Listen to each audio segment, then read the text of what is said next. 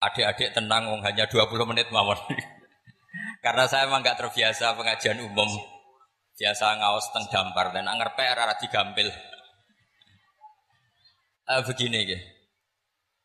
Karena Pondok Al Anwar 2 juga tentunya semua 1 2 3 sampai 4 juga semua lembaga yang didirikan oleh Syekhuna Kiai Memun Zubair uh, adalah lembaga yang memang dipersiapkan untuk ilmu, untuk mengawal ilmu. Sebagai wirosah nabawiyah, sebagai warisan Rasulullah Shallallahu Alaihi Wasallam. Maka saya minta anak-anak juga adik-adik baik yang lelaki maupun perempuan, jagalah kepastian ilmu. Saya ulang lagi guys, jagalah kepastian ilmu. Karena lewat kualitas ya, argumentatif itu kita bisa mempertahankan wirosah nabawiyah. Kalau beberapa kali ngisi acara di Jogja, memang saya sampai sekarang ngajar di Jogja. Itu pernah ketemu pakar matematika. Niku hitung-hitungan, niku cepet model nganggo hitungan pondok. Misalnya kalau mereka bilang rong persen setengah, dua persen setengah dari seratus, atau seper dua puluh dari seratus atau seper sepuluh dari seratus. Itu kalau di hitungan Arab, karena Arab itu dulu umatun ummiyah, umat yang ummi. Itu Islam datang dengan matematika yang mudah sekali. Kita tahu misalnya dalam bab zakat, misalnya dua persen setengah, dibahasakan rubu'ul usur. Karena bertahap, ini untuk adik-adik ya kan jadi misalnya 100 seper sepuluhnya berarti berapa? 10. Nah dari 10 itu terus ngambil seperempatnya yaitu 2, berapa? 5. Itu lebih cepat timbang sampean poro gapit 100 terus dibagi dua pinten koma nopo 5. Jadi ini kalau nanti jajal, saya pernah di salah satu kantor ketemu pakar matematika. Dia tanya saya, Pak Bahak, Kenapa Anda nggarap matematika itu cepat? Saya bilang ini matematika Arab kata saya. Itu mereka kalah cepat sama saya nggarap karena tadi karena Arab itu ummatun ummiyah. Sehingga saya pernah diberi waktu khusus untuk ngajar eh, semacam ekstra, ekstrakurikuler di salah satu kampus mengajar ulumul Islam. Itu yang di antara yang saya ajarkan itu ngitung cepat, berhitung cepat. Misalnya sampai ngitung seper sepuluh dari seratus sudah tidak mikir. Apalagi seper dua puluh. Tapi kalau Islam misalnya zakatut tijarah, zakatut ziroah itu misalnya ya sudah misalnya kalau seper sepuluh ya disebut usur.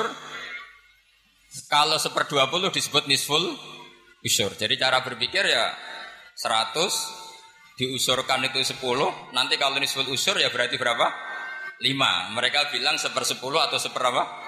Dua puluh. Sehingga kalau hitungannya miliar juga lebih gampang itu tadi misalnya satu miliar usurnya berarti 100 apa? Juta, rubuknya berarti 25 juta. Berarti per satu miliar adalah 25 juta. Nah ini penting saya utarakan supaya Anda bangga dengan apa yang Anda pelajari di Pondok Pesantren Sarang. Jadi pastikan semua ilmu itu al-bayinah. Al-bayinah itu argumentatif secara jelas. Kita-kita ini yang mengkaji Quran, mengkaji tafsir, itu betapa bangganya kita jadi muslim, jadi mukmin. Saya beri sekian contoh. Misalnya dalam tradisi pesantren Quran itu ada istilah sakta. Dan alhamdulillah tadi saya tahu betul di sini alhamdulillah sekarang ada Gus Rokib, ada istrinya Gus Roji yang mengampu tahfid. Saya senang sekali karena semua ini keluarga saya dan saya sama Gus Bab itu buyut saya kandung itu Mbah Maimunah, Mbak Yunya, Mbak Bedowi. Jadi senang sekali kalau di sini juga ada tafid, di Pondok Anwar juga ada garwanya Gus Naji, garwanya Gus Kamil. Saya mohon selain diajarkan syarat talaki atau musyafahah dalam bahasa pesantren, juga diajarkan kepastian hukum pentingnya sakta. Supaya orang tidak ragu lagi bahwa kita ini tidak kayak seremonial. Memang benar-benar bihujjatin ilmiah atau kalau istilah para nabi kul inni ala bayyinatin min rabbi benar-benar argumentatif Sakta itu dimaksudkan adalah kalau ibarat sastra itu taktek, taktek itu memotong.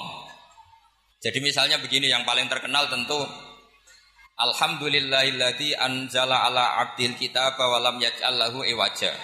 Terus disaktah qayyimah. Andai kan tidak ada sakta maka bacanya gini walam yaj'al lan orang gawe sapa Allah lahu ing Quran ora digawe iwajan ing bengkok. Koyiman ya digawe jejeg. Itu kan jadi kacau. Ya Quran itu ya ada bengkok ya ada jejeg. Tapi barokahnya ada sakta, Allah tidak membuat Quran sebagai sesuatu yang bengkok. Sakta berhenti. Berhenti itu menyimpulkan.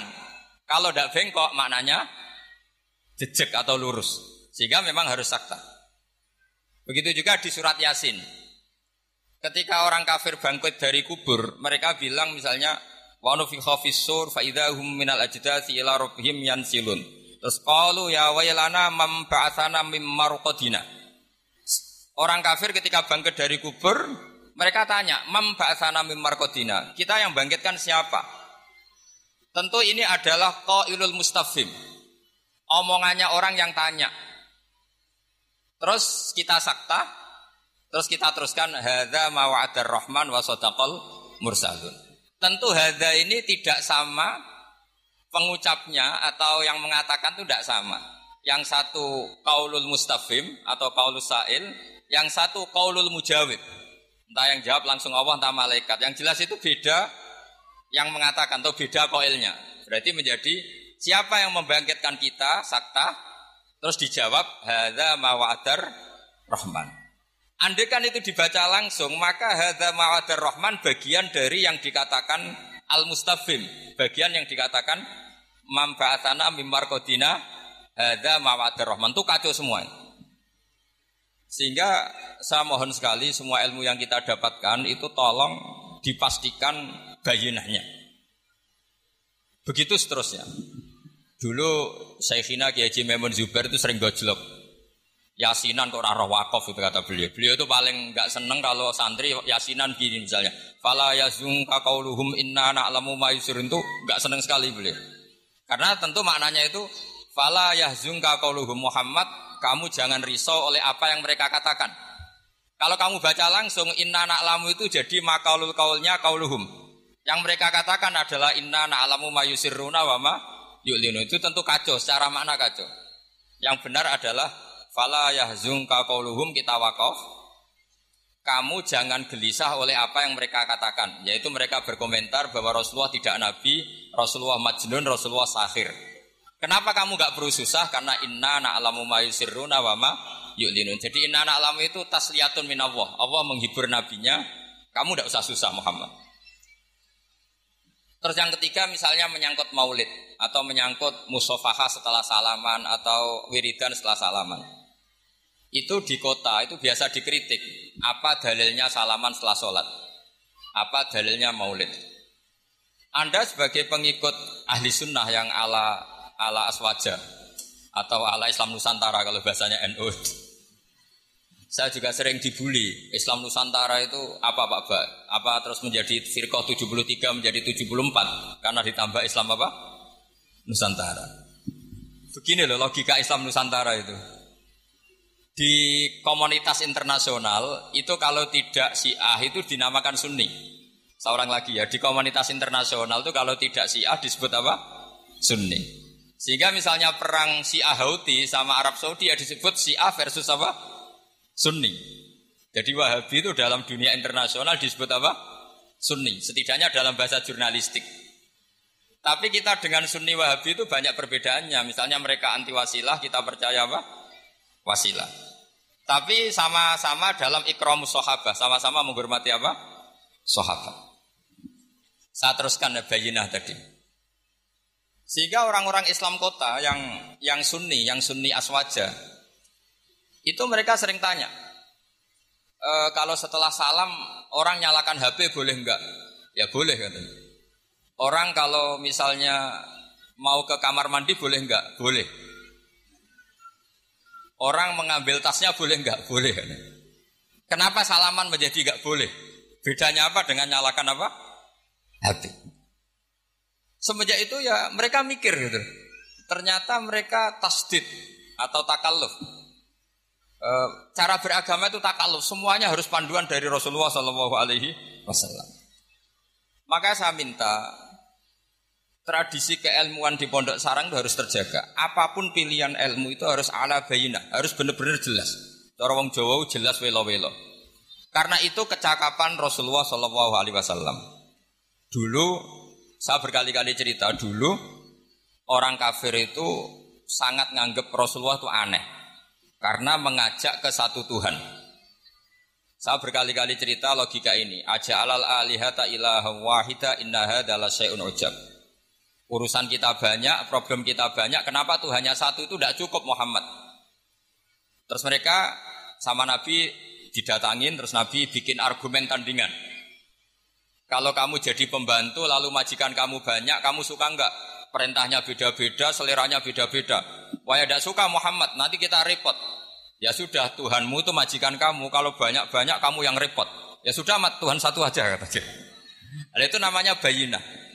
Sehingga Allah mengajarkan itu secara jelas. Dorobawu matalar rojulan fihi mutasyakisuna wa rajulan salamal lirrajul. Hal yastawiyani masalah alhamdulillah. Jadi zaman itu orang kafir pun langsung paham sampai bilang alhamdulillah. Allah membuat satu perbandingan, satu pembantu yang punya majikan banyak dengan satu pembantu yang punya majikan satu. Nasibnya baik mana? Tentu baik yang punya satu majikan. Akhirnya mereka paham, Tuhan kamu adalah majikan kamu, kalau banyak-banyak kamu yang repot. Ya sudah mat satu saja. Nah ini ini yang dimaksud lam yakunil ladzina kafaru min ahlil kitab wal musyrikina munfakina hatta ta'tiyahumul bayina. Ahli kitab apa pun ngototnya pada keyahudian atau kenasronian itu tetap infikak, tetap akan tercerabut ketika ta'tiyahumul bayina, ketika datang penjelasan yang jelas corong Jawa jelas welo-welo. Makanya saya minta anak-anak yang akademik ini harus menerima ilmu secara bayina. Saya masih ingat Mbah Mun itu ketika ditanya, ya jenengan damel kurikulum, moga bocah rapati so ngaji wahab ngaji muin. Kata Mbah Mun, sing ngaji tenanan yo ben Karangmangu. Saiki roh mondok sidik-sidik jamaah mbek ngaji mbek ora roh blas endi? Ya apik rondok ngaji. Ya wis berarti ya apik kurikulum kata Artinya ya logikanya jelas. Makanya dulu lama dulu itu kalau bikin bikin logika itu sesuatu yang nggak masuk akal saja kalau lama dulu yang ngendikan itu masuk akal. Dulu Abu Yazid itu punya murid namanya Syakik Al-Balkhi. Dia orang kaya biasa donatur pondok. Biasa mendonasi pondoknya Abu Yazid. Setelah dia perjalanan dagang di satu Sahara gitu di gurun pasir ada burung yang patah sayapnya, patah kakinya, Ternyata tetap dapat rezeki dikasih makan burung yang waras, yang normal. E, singkat cerita si murid tadi datang ke gurunya, Pak Guru, saya sekarang mau jadi orang zuhud, nggak mau jadi orang kaya. Ternyata orang paling lemah pun, makhluk paling lemah pun dapat rezeki. Terus cerita kejadian tadi. Terus sama gurunya ditertawain. Kamu mau jadi orang zuhud, orang jadi orang fakir, terus dikasih orang di rumah orang. Ya, ternyata semua makhluk yang lemah pun dapat rezeki. Kata gurunya itu, gajel gurunya itu, lima adalah tak tabiru anta. Kenapa kamu tidak iktibar dengan diktoir katanya dengan burung yang waras yang memberi? Pikiran kamu kok aneh? Ingin kok yang diberi. Kalau sama-sama cita-cita ya seperti burung yang memberi. Terus terus beliau gurunya dalil al yadul ulya khairum al yadis sufla. Bahwa tangan yang di atas lebih baik tangan yang di bawah. Akhirnya murid tadi mencium gurunya terus bilang, "Anta ustadi, kamu benar-benar guru saya."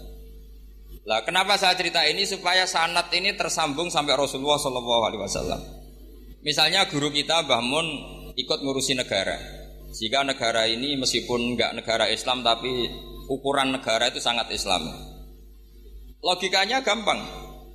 Kamu ikhlas negara ini diatur oleh orang-orang yang nggak sholat, yang narkoba, yang macam-macam, apa lebih suka negara ini diatur oleh orang yang sholat, yang meyakini kebenaran Islam? Tentu kita milih yang meyakini kebenaran Islam. Itu bisa didapatkan kalau dipandu ulama, apa kalau dilepas ulama? Kalau dipandu Sehingga dalam kitab Mindajul Abidin diceritakan ada orang sufi yang merasa dunia sudah rusak, kemudian milih uzlah. Ketika uzlah, beliau mengalami satu kasuf, satu kasuf ada hatif bilang tarok tum ummata Muhammadin fi aidil mubtadi'ah. Kamu enak-enak uzlah di sini, tapi membiarkan umat dipimpin orang lain yang menyesat, menyesatkan. Jadi mungkin kalau kita kumpul orang itu dosa. Wong ngrasani, betul wong wedok macam-macam. Tapi ketika meninggalkan umat, umat ini berarti kamu biarkan dipimpin orang lain dan orang lain ini bisa tidak ahli sunnah, bisa orang yang sangat menyesatkan. Berarti uzlah juga punya sisi dosa. Akhirnya ulama ini kembali ke masyarakat dan menunggui masyarakat mengawal madhab ahli sunnah apa? Wajah.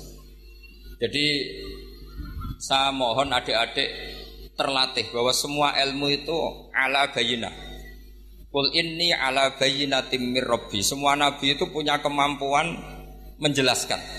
Itu yang disebut lam yakunil ladzina kafaru min ahlil kitab wal musyrikina munfakina hatta ta'tiyahumul bayyinah. Nah, kemampuan menjelaskan ini harus dimiliki anak-anak santri. Anak-anak Anwar 2 yang anak-anak masih belajar itu terutama harus belajar ilmu logika. E, termasuk kitab kebanggaan saya itu kitab Sarah Bukhari. Beliau ketika menafsirkan hadis atau mensarai hadis salah sun mangkun nafihi wajata halawatal iman.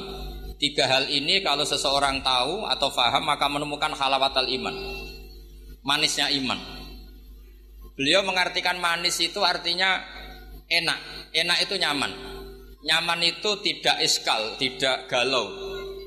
Terus beliau mencontohkan, Andekan agama ini tidak masuk akal, maka kita akan galau selama-lamanya. Terus beliau menyontohkan alam ini kata Allah, saya ulang lagi ya, alam ini kata Allah itu diciptakan oleh zat yang super. Yaitu kalau oleh ilmu kalam disebut wajibil wujud. Terus beliau e, berargumentasi cerita Islamnya e, Jubair bin Mut'im. Berarti Mut'imnya ya. Jubair bin Mut'im bin Adi berarti Mut'imnya. Dulu zaman Nabi itu juga sudah ada orang ateis. Orang ateisme. Kalau bahasa Arab dulu itu al-mu'attilah. Kalau bahasa Arab sekarang itu biasanya disebut syuyui. Orang-orang ateis itu nggak mau mikir, pokoknya bumi ya ono, ono langit ya ono, sebabnya apa ya mbah pokoknya ono.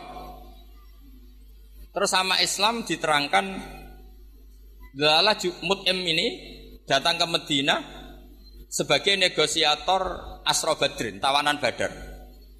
Delala Rasulullah pas baca surat Watur wa kitabim mastur firokim mansur. Di antara itu ada ayat amhuliku min ghairi syai'in amhumul khalikun. Masa alam raya ini langit bumi yang mau judat. Jadi bumi ini berstatus mau judat. Kemudian mau judat ini diciptakan oleh adamiyah. Jadi kalau kamu berfaham ateis, artinya hadhil maujudat khalaqahal adam. Ini semua yang maujud diciptakan oleh sesuatu yang tidak wujud. Kata Ibnu Hajar al Asqalani, kan Islam datang seperti itu, kamu tidak bisa tidur. Akal kamu tersiksa. Karena mbok kamu profesor kayak apa tidak bisa menemukan logika hadhil maujudat khalaqahal adam bahwa maujud ini diciptakan oleh ketiadaan. Tapi Islam datang tidak seperti itu. Hadhil maujudat khalaqaha wajibul wujud. Ini maujudat diciptakan oleh zat yang wajib wujud, yaitu Allah Subhanahu wa taala. Nah, dengan berpikir seperti itu, ahlul akli nyaman. Nah, nyaman ini kata Ibnu Hajar al Asqalani menjadi halawatul iman. Jadi halawatul iman itu dimulai dari bayina. Satu kejelasan yang sangat argumentatif yang kita insya Allah lanal itu yaminan walasimalan sudah ada ke mana-mana lagi. Nah ini yang dimaksud Allah Subhanahu Wa Taala yuthabbitu ladina amanu bil kaulis sabiti fil hayatid dunya wa fil akhirat. Jadi logika ini mapan sehingga kita misalnya jadi TKI sekalipun di negara Korea, di negara Uni Soviet tetap bawa tauhid.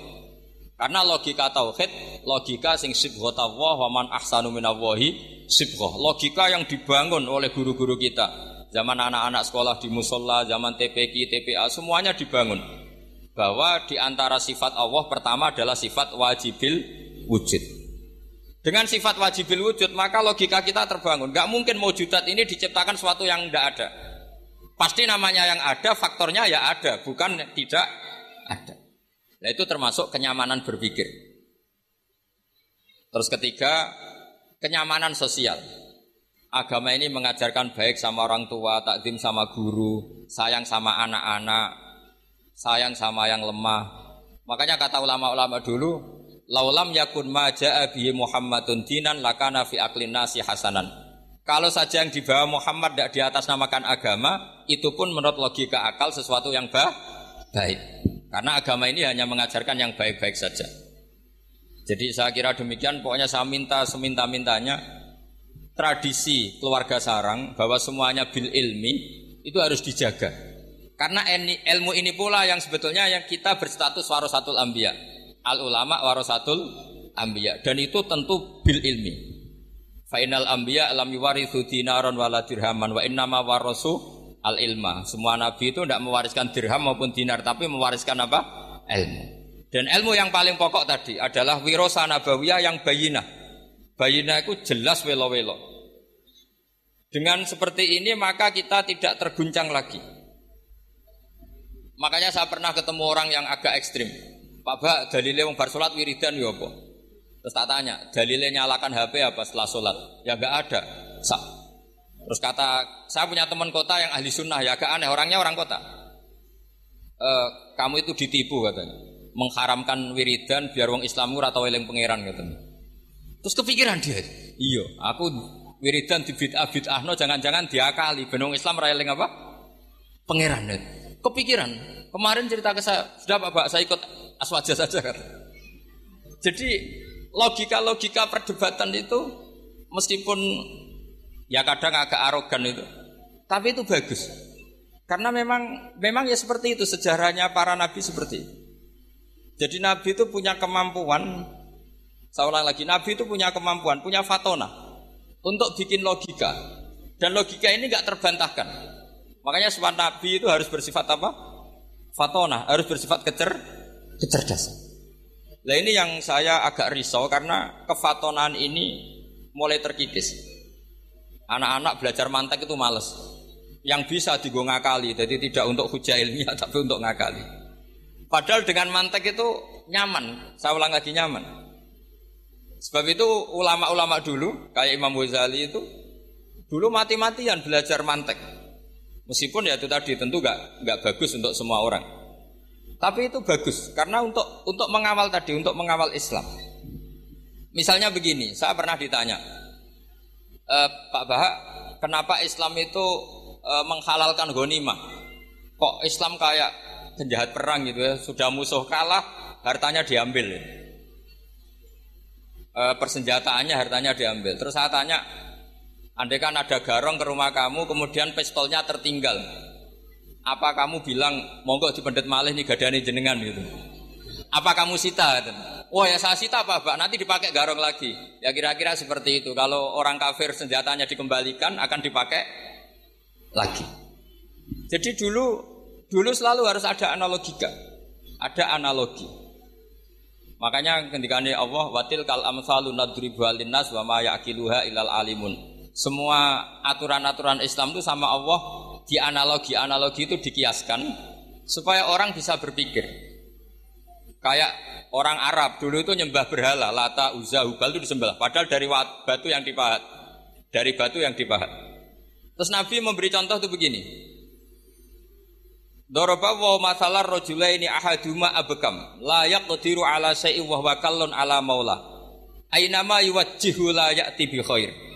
Nabi bikin analogi gini, wahai para orang Arab, kalau saya punya pembantu yang buta, sudah buta, nggak bisa ngomong, abekam, bisu. Mau nggak pembantu saya tak kasihkan kamu kata. Wanda Muhammad tuh merepotkan. Bagaimana bisa bantu saya? Dia buta, dia bisu. Terus kamu nggak mau, nggak nggak mau Muhammad. Terus berhala kamu yang kamu sembah itu kalau tangannya protol itu yang dadani siapa? Ya saya. Kalau kotor yang bersihkan siapa? Saya. Terus Nabi Muhammad bilang gini, untuk jadi pembantu saja orang seperti itu kamu nggak mau. Masa kamu jadikan apa tuh? Tuhan. Mung Tuhan kok ngerepoti Mestinya Tuhan itu pantasnya direpoti dimintain itu. Itu mereka akhirnya iman, iya ya. Pangeran kok ngerepoti, ono ono ngedusi, ono noto barang itu. Allah gampang sekali. Daraba wa masalah rajulaini ahaduma abkam. Abkam itu bisu. Layak kediru ala tidak mampu melakukan apa-apa. Wa huwa kallun ala maula. Namanya bisu, tuli, itu hanya merepotkan yang punya. Ainama yuwajjihu layak tibi khair. Dia, diarahkan ke mana saja tidak membawa yang positif. Akhirnya mereka iman.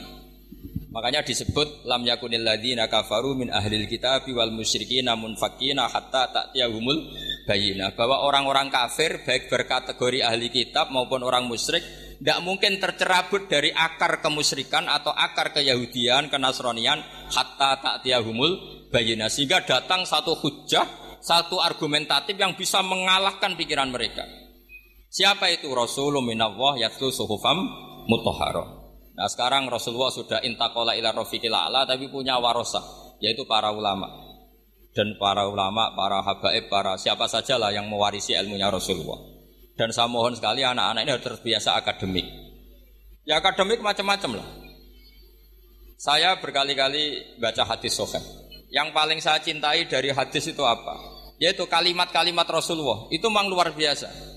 Misalnya beliau ngendikan orang mukmin itu baik semua. Ajaban di amri mukmin. Terus beliau ngendikan itu in ajaban di amri mukmin inna amrohu kullahu khairun. In asobathun sarro sakaro fakana khairan lah. Wa in asobatu darro sobaro fakana khairan lah. Terus beliau ketika ngendikan kematian kehidupan itu optimis sekali dan dengan pandangan positif. Kata Rasulullah, Anggap saja kalau kamu hidup itu ziyadatan li fi khairin, potensi mendapat kebaik kebaikan. Kalau kamu mati, ya syukuri, anggap saja pengakhiran dari semua keburu keburukan. Sehingga ada tadat kiai-kiai dulu itu kalau ada bajingan mati, orang oplosan kok mati, ya tetap bilang, saya ya pak niki saya. Meskipun hadirin nggak siap bilang saya. Ya saya pak nggih. Karena mau tuh hadal fasek khairun lah matinya orang fasik ini bagus supaya nggak mereman lagi, nggak ngemel lagi, nggak jadi problem lagi.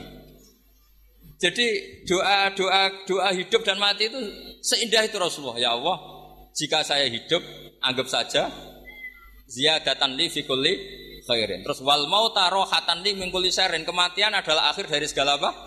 keburukan. Saya ini termasuk kiai muda yang nggak pati takut mati. Artinya bukan karena saya yakin soleh enggak, Misalnya kalau apa mati pikiran kalau Gusti ini akhir dari segala potensi keburukan saya. Artinya kagum saya bukan masalah takut dan berani ndak. Keilmian Rasulullah Shallallahu Alaihi Wasallam. Betapa mudahnya Nabi melihat sesuatu itu positif. Hidup dianggap tadi ziyadatan lana fikuli khairin. Kalau kematian anggap saja rohatan lana mingkuli syarri. Jadi mudah sekali Rasulullah. Nah ini menurut saya kefatonahan yang harus diwaris kita semua. Ya ngotot mawon. Assalamualaikum warahmatullahi wabarakatuh.